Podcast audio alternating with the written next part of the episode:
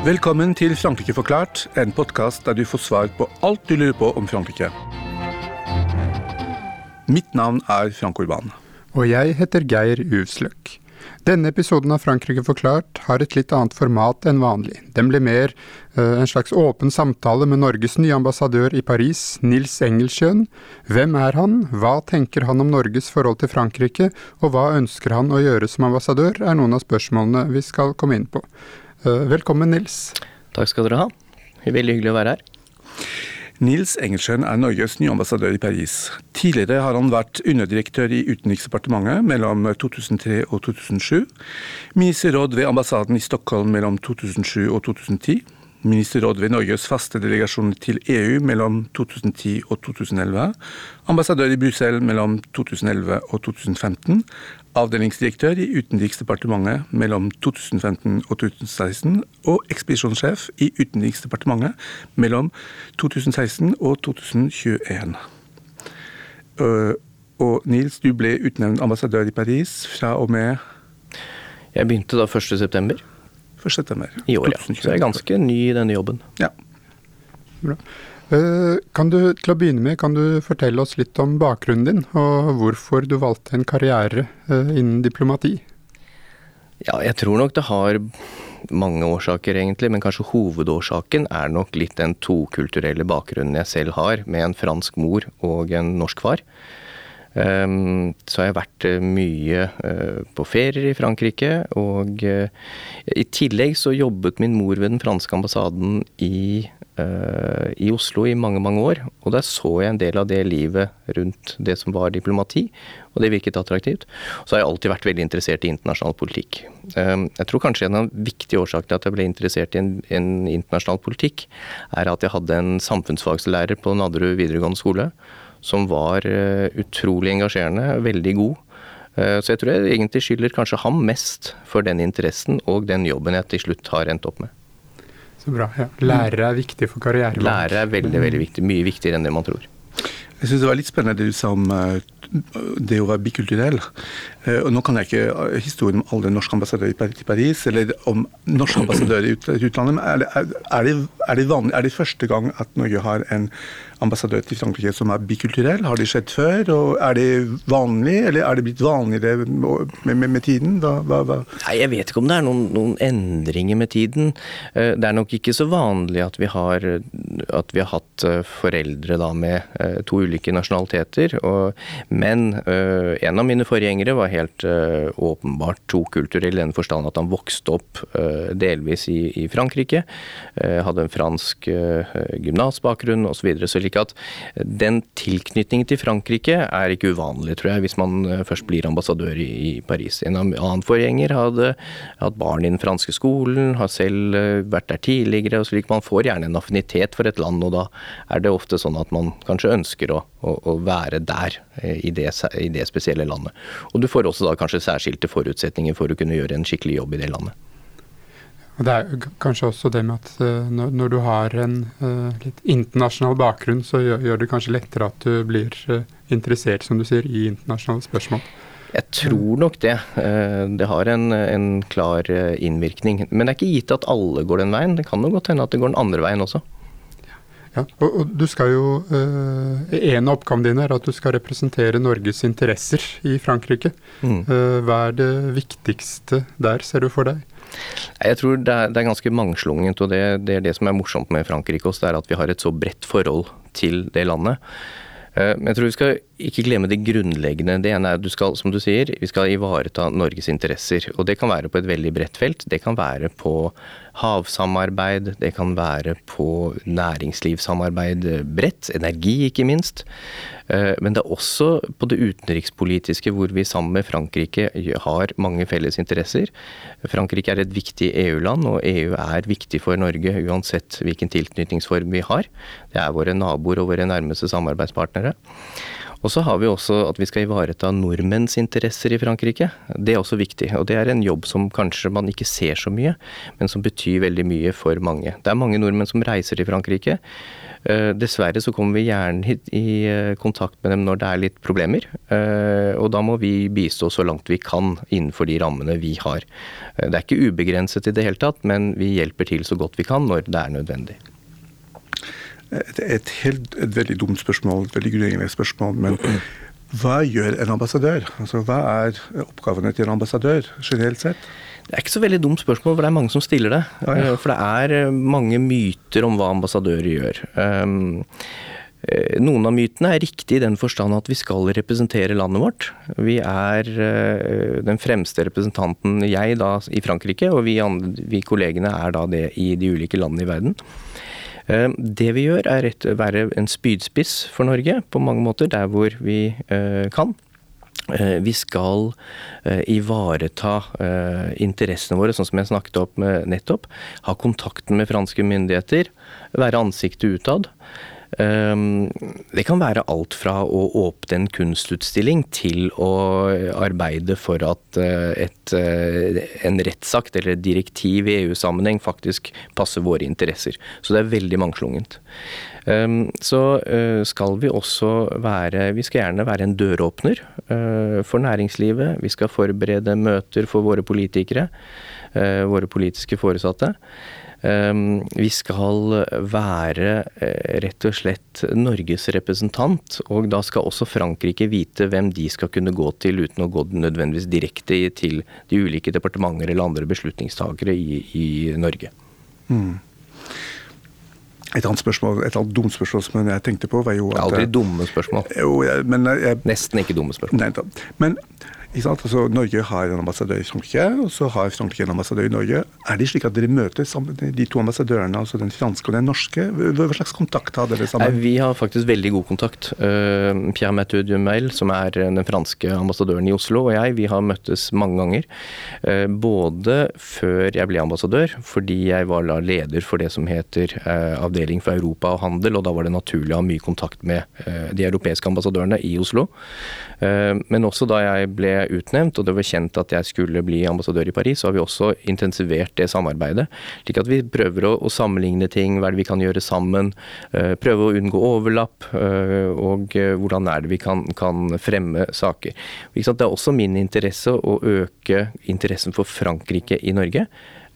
Som det er selvfølgelig som er hovedoppgaven min, å øke interessen for Norge i Frankrike. Og det samme gjelder for ham. Slik at vi hjelper hverandre og prøver å fylle hverandre ut så godt vi kan. Du snakket uh, i stad at det finnes uh, mange myter uh, om ambassadørrollen. og det er kanskje riktig om diplomati generelt. diplomati kommer jo fra diplom, i betydningen et dokument, off offentlig dokument som er brettet dobbelt. Og da, og, da, tenker man ofte på at det er noe som foregår i kulissene. At det er noe skjult, noe som ikke alle skal se. kan du si litt om forholdet mellom åpenhet og kanskje ikke skjult diplomati, men diskresjon når man jobber som diplomat? Det, er klart, det har nok utviklet seg også over tid. Noen ganger er det helt nødvendig med diskresjon og hemmelighold, eh, rett og slett, fordi vi skal ivareta landets interesser. Og, og en, en, diplomats rolle i, i, bunn er viktig. Det er rett og slett for å bidra til at folk, eh, land, forstår hverandre og unngå misforståelser, og på den måten unngå også i ytterste konsekvens krig. Heldigvis er ikke det noe problem med Frankrike, men, men noen ganger er det ting som, som krever en viss form for diskresjon, fordi vi gjerne snakker om sensitive spørsmål i utenrikspolitikken. Um, diplomater er også uh, gjerne fredsforhandlere. Jeg har ikke selv vært uh, noe særlig borti det, men, men, mange av mine kolleger har jo vært det, og det er jo en tradisjon som, som Norge har. Uh, men diskresjon er også viktig, fordi vi skal jo ikke ødelegge forholdet til land. Jo, det har noe med Slik er det jo også et tillitsforhold mellom venner. Det er at noen ganger så må man være diskré, eh, mens andre ganger så kan vi være åpne, og det tror jeg er i vår, vår, interesse. Og der har det også vært en utvikling, for det er helt klart at det er mer og mer åpenhet i, eh, i diplomatiet også. Det er en, en, utvikling nå hvor det vi kaller mer og mer public diplomacy, hvor vi gjerne skal være på sosiale medier, vi skal øh, være med på podkaster som dette, hvor det er viktig rett og slett for å vise den jobben vi, vi gjør. Vi skal jo også huske på at det er viktig at vi skal vise at vi er jo der på skattebetalernes penger. og Skattebetalerne må rett og slett få valuta for pengene sine. Og det er jeg helt overbevist om at diplomater bidrar til. Du, du, du var inne på um, uh, altså norske interesser i Frankrike, fransk interesse i Norge. Altså, jeg tenkte at hva, hva, hva, vil du, um, hva, vil du, si er uh, de grunnleggende norske interessene i uh, Frankrike, et samarbeid med, med Frankrike? Det var det ene spørsmålet. Det andre spørsmålet tenkte jeg det er jo i forhold til det som er på en måte satt fast fra før, altså norske interesser. Hvordan, hvor går dine preferanser? Hva, hva, hva, vil du på en måte bidra med? Hva, hva, vil ditt særpreg være som ambassadør i Frankrike i den perioden du skal være ambassadør? Jeg tror Det siste spørsmålet først. Jeg tror Det viktigste er at jeg jo en, må jo forholde meg til den eh, politikken som regjeringen ønsker å føre. Eh, så jeg må forholde meg til de instruksene jeg får. Eh, samtidig får vi ikke instrukser hele tiden. Og i, i en norsk kontekst så er jo en utenrikspolitisk eh, Det er en ganske stabil linje i norsk utenrikspolitikk. Så, men jeg vil alltid forholde meg til de signaler som enhver norsk regjering gir til sitt regjeringsapparat. Det er helt åpenbart. Eh, når det gjelder hvilke saker jeg selv eh, vil være, kanskje være opptatt av, jeg tror jeg nevnte noen av dem. jeg tror det er liksom, Hvis vi ser på næringslivssiden, så tror jeg kanskje eh, energispørsmål, klimaspørsmål, havspørsmål er områder hvor vi både ser likt på veldig mange spørsmål, men også på veldig mange saker, men også hvor vi har mye å hente på et videre samarbeid. Forrige uke, to, to enkle ting. Vi hadde en til tilstelning i embetsboligen eh, med Sjømatrådet for å presentere norsk laks overfor franske kokker, som da vite hvordan skal de da bruke laksen, rett og slett. Og dette er en ren eh, promoveringsoppgave eh, som også ambassadene brukes til. Det andre var at jeg var i Saint-Malo på onsdag for å åpne eh, den norske del, og hjelpe den norske delegasjonen, som på havvind og vindmøller i, i, i fransk, eh, i, i fransk nei, økonomi. Eh, for å ivareta interessene og hjelpe til at norsk næringsliv kan være bidragsytere i det skiftet som Frankrike også må gjøre i klima, klimautviklingen. Um, så jeg tror næringsliv blir også en, en, viktig ting fremover, og det er også noe den nye regjeringen er veldig opptatt av. At vi skal fremme det uh, ute. Og vår oppgave som ambassadører og ambassader skal bidra til det. Eh, det andre er selvfølgelig det europapolitiske samarbeidet. Fordi, som jeg sa innledningsvis, så er Frankrike en viktig eh, aktør i EU. Eh, e vi er nødt til å jobbe sammen med sentrale europeiske land for å ivareta våre interesser. Om det er om Schengen-spørsmål, EØS særlig, indre marked. Hvordan skal vi få til et samarbeid med EU som fungerer best mulig? Og det er viktig å huske at EU er mye mer enn Brussel. Det er viktig å gå til hovedstedene. Nå skal Frankrike om få dager uh, ta over formannskapet i EU. og Da vil de drive agendaen fremover. og Derfor er det viktig for oss at vi har en god kontakt med Frankrike for å kunne ivareta våre interesser. Og hele tiden i bakhodet norske interesser, norske interesser, norske interesser. Uh, interessant dette med at Frankrike skal overta. Uh, jeg husker Macron var veldig opptatt av utdanning innenfor EU-politikken eh, e da han ble president. Mm. Uh, og kan du si litt Jeg husker da jeg var for, for mange, mange, år, mange, år, siden så var jeg norsklektor uh, i Nancy uh, i Frankrike. Og da hadde jeg litt kontakt med han som var kulturråd på ambassaden. kan du si litt hvordan ambassaden jobber i forbindelse med altså, sendelektorer eller utdanningsspørsmål generelt? Ja, det, det, er et veldig viktig spørsmål. Utdanning og forskning og forskningssamarbeidet er, er viktig. Vi har en, det som er ganske spesielt med, med, Frankrike, vi har en avtale fra 1918 uh, om norske elever som skal på franske videregående skoler i tre ulike byer, jenter og gutter. Uh, en fantastisk eh, mulighet for norske motiverte elever. Eh, krevende, eh, men det ligger da en avtale som er over 100 år gammel. Eh, den har vi, vi har oppdatert ulike avtaler, og det gjorde vi også i 2018. som går særlig på utdanning og forskningssiden. Og det arbeidet er kanskje noe av det eh, mest givende og, og, viktige vi også kan gjøre. For jeg tror det er viktig at vi, vi får en forståelse i Norge også for Frankrike. Eh, franske språket. Eh, men også fransk eh, kunnskap som vi kan ha glede av. Og den andre veien. Slik at vi, vi utveksler eh, kunnskap, og vi utveksler personer gjennom dette samarbeidet. Jeg har lyst til å si litt om dette med, de videregående skolene, for det tror jeg er noe av det mest imponerende jeg ser. Jeg ser at dette er unge norske skoleelever som går ut fra 10. klasse, som skal inn på videregående skole. Og i stedet for å gå på den lokale videregående skolen, så reiser da eh, et 30-40-talls hvert år til å gå på fransk, fransk førsteklasse på gymnaset, videregående, uten å egentlig kunne noe særlig fransk på forhånd. Og det som er veldig morsomt, det er at disse elevene går ut da med stort sett bedre resultater enn det franskmennene selv gjør. Også i fransk. Så dette her er virkelig noen unge som vi skal satse på fremover, og som blir veldig gode ambassadører. For. Hva, tror du er årsaken til det? For det første så tror jeg disse her blir veldig gode, gode, ambassadører for Norge i Frankrike, men også for Frankrike i Norge. Og mange blir eh, Jeg har flere av kollegene mine som har gått i dette systemet, eh, og som da ender opp f.eks. på ambassaden i Frankrike. Jeg tror grunnen er, Det er klart at det er jo en, en, en utvelgelse i utgangspunktet. Det er veldig motiverte elever som er flinke i utgangspunktet. Eh, så de ønsker virkelig dette. Men du skal da eh, bo på internat. Du er langt hjemmefra. Eh, du kan egentlig ikke språket. Du har ingen venner i utgangspunktet. Så du får en veldig sammensveiset norsk gjeng der, men de bor også i vertsfamilier i helgene. Slik at fransken kommer inn på den måten også.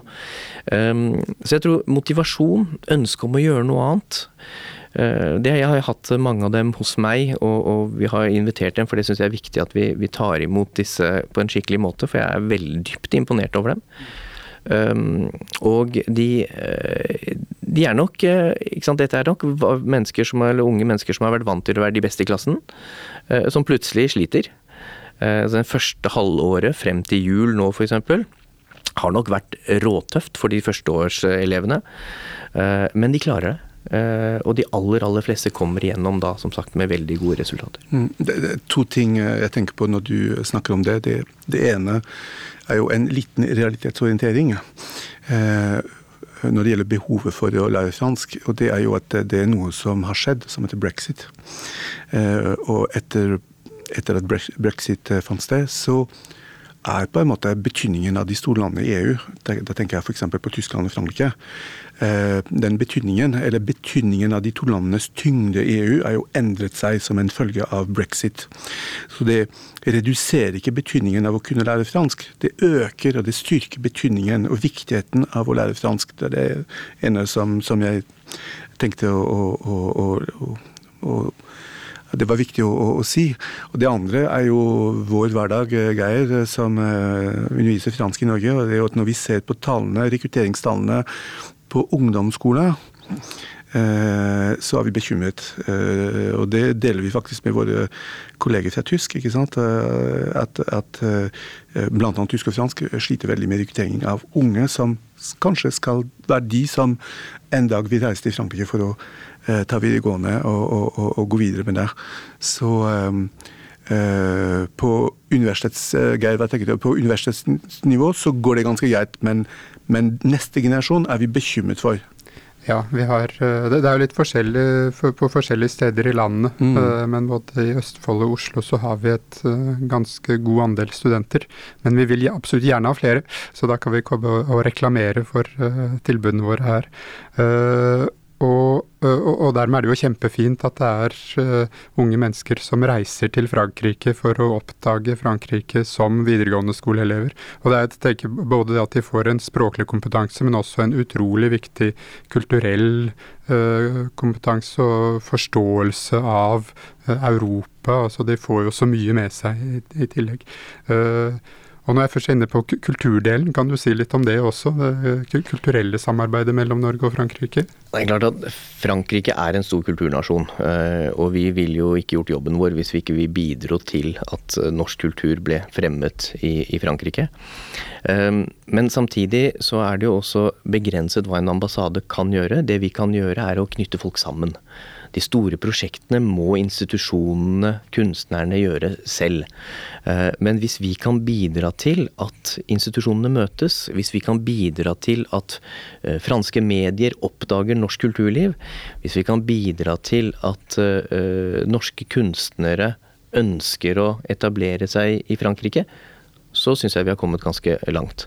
Eh, men jeg tror det er viktig igjen at det er de store tingene for oss. Så tror jeg også vi må se på konsentrasjonen litt av de, de større prosjektene. Fordi det er uendelig mange som har lyst til å komme til Frankrike. Men det er begrenset kapasitet vi har. Eh, så det vi kan gjøre er nettopp å bidra til at knytte til at aktører snakker sammen, finner hverandre og så sammen at de, etabler, at de etablerer et samarbeid, og gjerne da stø, store uh, manifestasjoner. Uh, I uh, mai så kommer Oslofilharmonien. Så det er jo fantastiske ønsker liksom fordi man har lyst til å komme til Frankrike. Og så gjelder det også litt for oss hvordan kan vi bruke dette på en god måte for å vise Norge. Ehm, det skal aldri være et eh, ferniss for å fremme norske interesser. Samtidig så skal vi også kunne benytte anledningen. Hvordan er det vi kan få en interesse for Norge ved å bruke kunsten og kulturen eh, på en, på en eh, skikkelig måte? Men hva, hva, når, du, når, du, når, du, er ute rundt omkring i Frankrike og møter folk, hva er din følelse om Føler du på en måte at interessen for Norge har blitt større, eller at, at kunnskap om Norge har blitt større? Hva, merker du, merker du en, en, en, en, endring, en utvikling, eller eh, føler du at gjennomsnittsfranskmann vet fremdeles ganske lite om Norge? Jeg har vært der litt for kort til ja. å kunne gi et eh, bredt bilde, men, men, det jeg merker er at det er en stor interesse for norske løsninger. Når det gjelder likestilling, økonomi, velferd, den type spørsmål. Eh, samtidig så vi jo, vinner vi jo også mye oppmerksomhet på det at vi har norske eh, forfattere som er godt kjent i Frankrike blitt. Eh, vi har norske kunstnere eh, som, som mange kjenner. Vi har ikke minst også norske kokker som mange kjenner. Norsk gastronomi, som da jeg vokste opp var kanskje ikke det vi var mest kjent for, men som nå er blitt eh, en fantastisk norsk øvelse, og nordisk øvelse.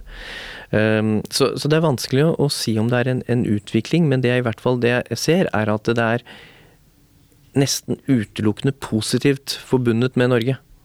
Og det er bra for oss.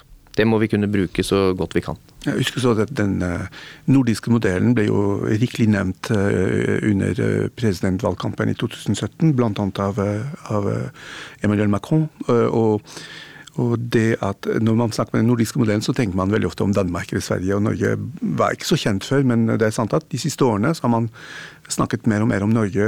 Tenk på pappaperm f.eks. og andre, andre ting som, som, viser på en måte at, at, Norge har en modell som kan være interessant for andre land å, å innføre. Absolutt. og jeg tror, jeg tror en ting som uh, nok også vil være veldig interessant, det er den det vi kaller trepartsmodellen i Norge. Det er samarbeid mellom arbeidsgiver, arbeidstakerorganisasjoner og myndigheter. Uh, og der kan jeg vel si såpass at jeg tror jeg nok Frankrike har litt å lære av. Ja, for, fordi, ja, for hvor langt kan man gå med å for, for, ikke fornorskes, men å, å, å, bli mer nordisk i sin måte å praktisere politikk på? Og, Frankrike er ikke noe konsensusbasert uh, kultur i utgangspunktet. Mer konfliktorientert, ja, er det ikke det? Den er nok litt annerledes enn det vi er vant til. Uh, det er jo et, et streikeregime som er ganske annerledes enn det vi er vant til. Uh, det er jo antagelig ikke tilfeldig at den franske revolusjonen nettopp opp, kom i Frankrike. Uh, så det er en, en, en, en, litt annen kultur og tilnærming til, eh, til konflikt enn det vi har i, i, Norge. Men der tror jeg kanskje vi kan, eh, kan lære bort litt. Og så kan vi helt lære på veldig mange andre områder fra Frankrike. Men akkurat der tror jeg nok at vi, vi har absolutt ingenting å skjemmes over på veldig, veldig mange felt. Og det er litt av min jobb, det er å prøve å vise litt hva er norske løsninger for Frankrike. For de er, som du sier også, eh, en, en stor interesse for eh, for den type løsninger som vi har, om det er likestilling eller pappaperm eller da eh, trepartsmodellen og, og, og, inkludering av arbeidstakerorganisasjonene og arbeidstakere på en annen måte enn man kanskje har vært vant til i Frankrike på de siste jeg vil si mange, mange tiår. Frankrike er jo en stor utenrikspolitisk aktør, fast medlem i FNs sikkerhetsråd bl.a., eh, mens Norge kanskje blir sett på som en nasjon som har en litt mindre rolle. Eh, kan du si noe om det utenrikspolitiske samarbeidet mellom Norge og Frankrike? Ja, Vi har nok eh, kanskje mange flere felles interesser enn det man skulle tro i utgangspunktet. Frankrike er jo en stormakt, er jo også en atomvåpenmakt. Vi er jo ikke det. men jeg sitter nå som innvalgt medlem i Sikkerhetsrådet, og det er forbausende mange saker hvor vi har akkurat samme tilnærming som Frankrike.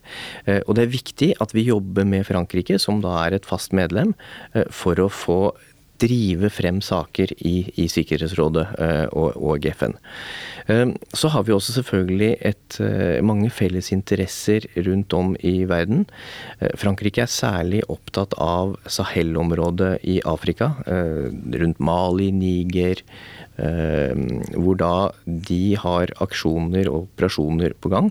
Hvor vi fra norsk side mener det er viktig at vi også bidrar. At vi også er en aktør. Fordi vi mener det også er i vår interesse.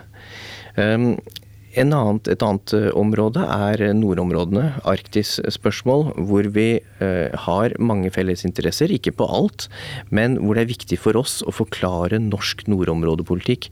Norsk politikk i, i, i havområdene eh, i nord.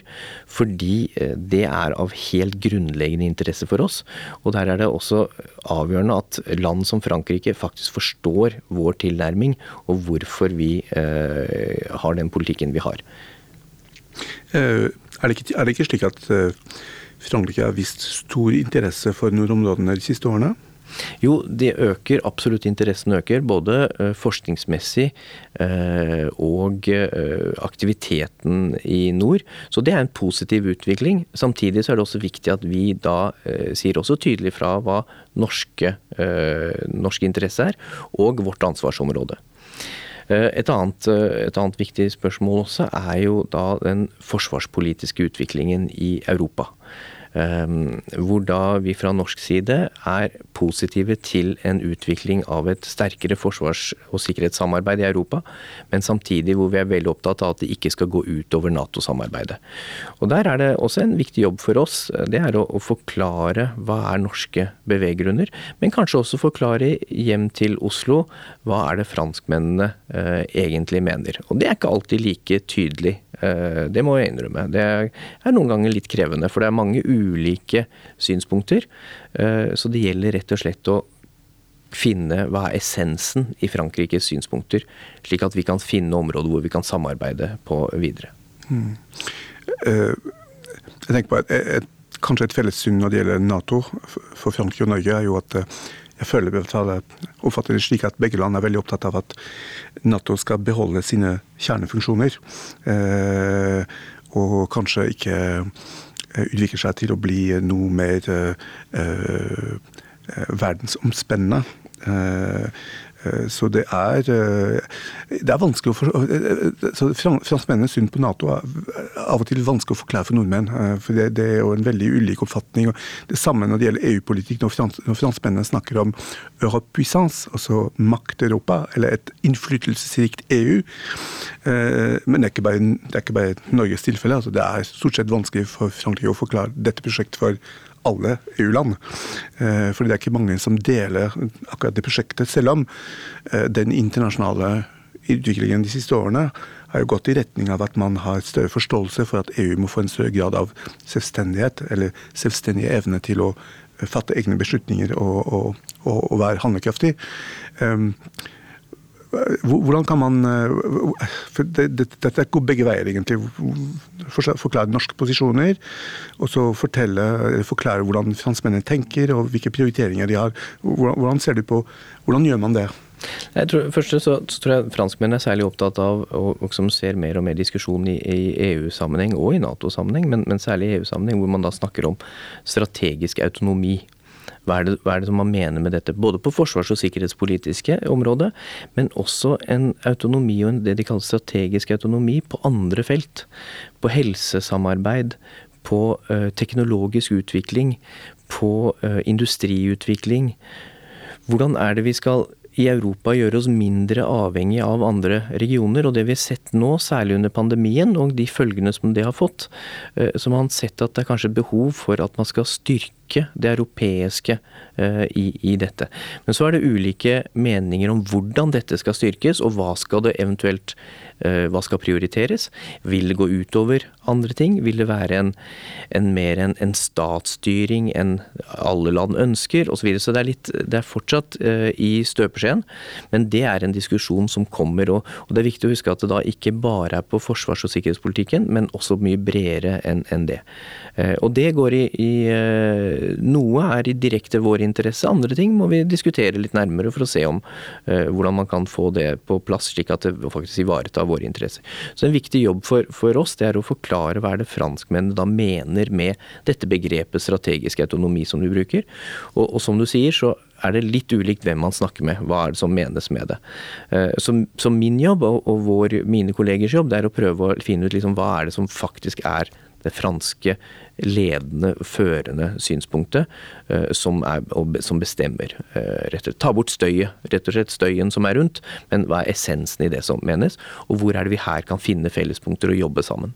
Jeg har lurt på en ting. Jeg har, jeg har mange dumme spørsmål i dag, men et av dem er jo at hva er det en ambassadør gjør når han ikke er på jobb? Hva er privatlivet til en ambassadør? Altså, du er jo i eh, altså, du er, du er, du, altså, Det skjer ting hele tiden, men, men Eh, har du noe fritid? Eh, kan du ha et privatliv? Kan, eh, hvor ofte kommer du tilbake til Norge, f.eks.? Er det noe som er fastlagt? Er det noe som du kan bestemme selv? Nei, vi, vi, har jo absolutt et privatliv i den forstand at vi ikke er på jobb hele tiden rent fysisk. Men jeg tror samtidig det er viktig å huske at vi på mange måter. For omverdenen er vi på jobb 24 timer i døgnet, eh, syv dager i uken. Og det er noe med hvordan vi fremstår. Så en norsk ambassadør, ethvert lands ambassadør, kan ikke gjøre som han eller hun eh, måtte ønske, eh, særlig hvis det er noe negativt. Vi må oppføre oss, og det er ingen grunn til noe annet heller, men, men vi er nødt til å tenke på at vi blir sett på på en litt annen måte enn vi tenker på oss selv som privatpersoner. Mm. Du er ganske aktiv på Twitter, eh, og du må passe på hva du legger Twitter? Ja, jeg er nok litt forsiktig mm. på det. Jeg legger ikke store politiske ting ut hvis det ikke da er en klar norsk politikk. Det er viktig. Mm. Så det er hele tiden med, med, norsk politikk og norske interesser for øye. Samtidig så er det litt viktig å, å by litt av seg selv, for å, for å kunne nettopp kunne avmystifisere litt av den rollen som ambassadører har. Så privatlivet det Selvfølgelig har vi et, et, privatliv i den forstand at vi har fritid. Uh, selv så har jeg nå brukt uh, månedene og går mye rundt i Paris. Uh, jeg har jo reist litt rundt i, i Frankrike også. Um, men jeg har jo også familien min i Norge enn så lenge. De kommer, i hvert fall deler av den, kommer neste sommer. Det er planen. så da har jeg prøvd å reise hjem også selvfølgelig i helger når vi har kunnet det, eller at min kone og yngste datter har kommet til Paris for å besøke meg. Det er litt viktig at vi har det fellesskapet, selvfølgelig. Og så har jeg to hunder som bor i Norge. Eh, de kommer nok til å få en litt annen tilværelse å bo i en leilighet midt i Paris enn det å bo eh, eh, i en bolig litt utenfor Oslo. Så det blir jo litt interessant å se. Når jakten blir heller på duene i franske gater enn på fjellet, det blir nok litt, litt annerledes for dem også. Med de risikoene det innebærer. Men de vet ikke helt hva de går til, så det er fordelen. Sikkert flink til å tilpasse seg også. Eh, du nevnte dette med at uh, du, du, kan legge ut politiske saker på Twitter hvis det er Norges offisielle politikk. Og noe som er interessant med diplomatiet, er jo hvordan det forholder seg til maktskifter i hjemlandet. Hva skjer når det blir en ny norsk regjering med en ny norsk politikk? Eh, det, hvordan veier du liksom eh, stabilitet eh, mot en eventuell ny kurs i utenrikspolitikken? Jeg tror at en av de store fordelene ved det norske politiske systemet er nettopp det. At vi ikke skifter et embetsverk som noen andre land gjør. Da får du en trygghet på at ting fungerer. Og på utenrikspolitiske spørsmål så er det ikke så veldig store skiller. Slik at det er ganske stø kurs i norsk utenrikspolitikk. Og vi er såpass profesjonelle at uansett hva man måtte mene privat, så har vi en jobb å gjøre. Og det er å føre den politikken som regjeringen som sitter på plass, fører. Slik at det er egentlig ikke noe problem i det hele tatt. Rett og slett i det daglige. Ja, jeg merket så at uh, Det var interessant å se at uh, valget i år, altså det norske valget i år ble jo veldig uh, rikelig kommentert i fransk presse.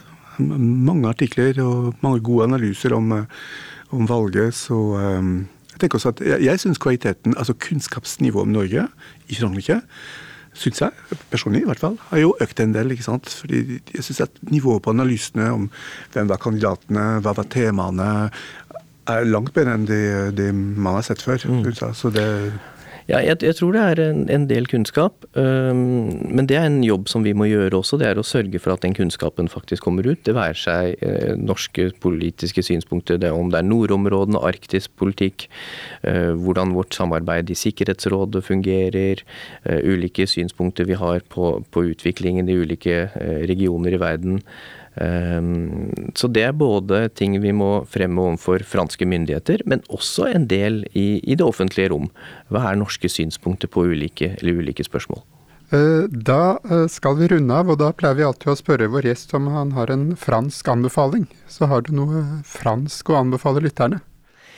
Ja, eh, jeg eh, Det er mange ting man kan anbefale eh, våre lyttere. Det er Jeg har lyst til å slå et slag for faktisk ikke en fransk, men fransktalende musikk. En jeg liker veldig godt, det er en belgisk jente som synger på fransk, som heter Angèle. Den vil jeg anbefale. Fordi om hun, hun, Kanskje for de fleste nordmenn så tror alle hun er fransk, men hun er faktisk belgisk. Men musikken er mer universell, og den syns jeg er utrolig morsom å høre på, eller fin å høre på. Så en fransktalende belgisk musiker som heter Angel. Og det sier jeg litt fordi jeg har uh, bodd såpass mange år i Belgia også, slik at jeg hadde lyst til å slå et litt, uh, lite slag for det fransktalende Belgia også. Ja, og det er viktig nettopp dette med den franske kulturen, at, eh, eller den franskspråklige kulturen, at den er så vid.